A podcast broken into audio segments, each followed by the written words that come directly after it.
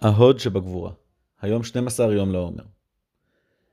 האתגר היומי בטרם תשפוט אחרים, הבטח לעצמך שאינך פועל ממניעים אישיים ושאינך משוחד. בכאן מתי מתעורר בך הצורך להעיר או לבקר, ועד כמה הוא בא מתוך רצון לרומם את עצמך, או מרצון לתקן ולשפר את האחר. מתוך אתר חב"ד ספירת הוד מביאה היום עמה לאנרגיית גבורה את מידת הגאווה, הצניעות והכרת התודה. ביקורת שאין בה ענווה לעולם תהיה בעלת תוצאות שליליות. ביקורת שמקורה יהירות או העלאת גאוותו של המבקר מבטלת את האהבה הטמונה בגבורה כאנרגיה מחזקת ומשפרת. קטע מהספר מקום בעולם של חילי טרופר מתנה גדולה מקנה עבודת החינוך. השתדלות להשתפר במידות האישיות שלנו.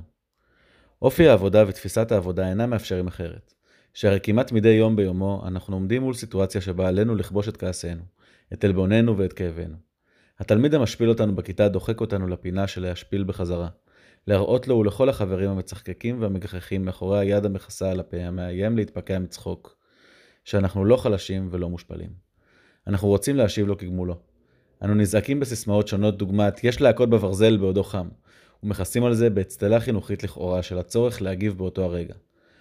אבל רק לעיתים רחוקות זו הסיבה האמיתית.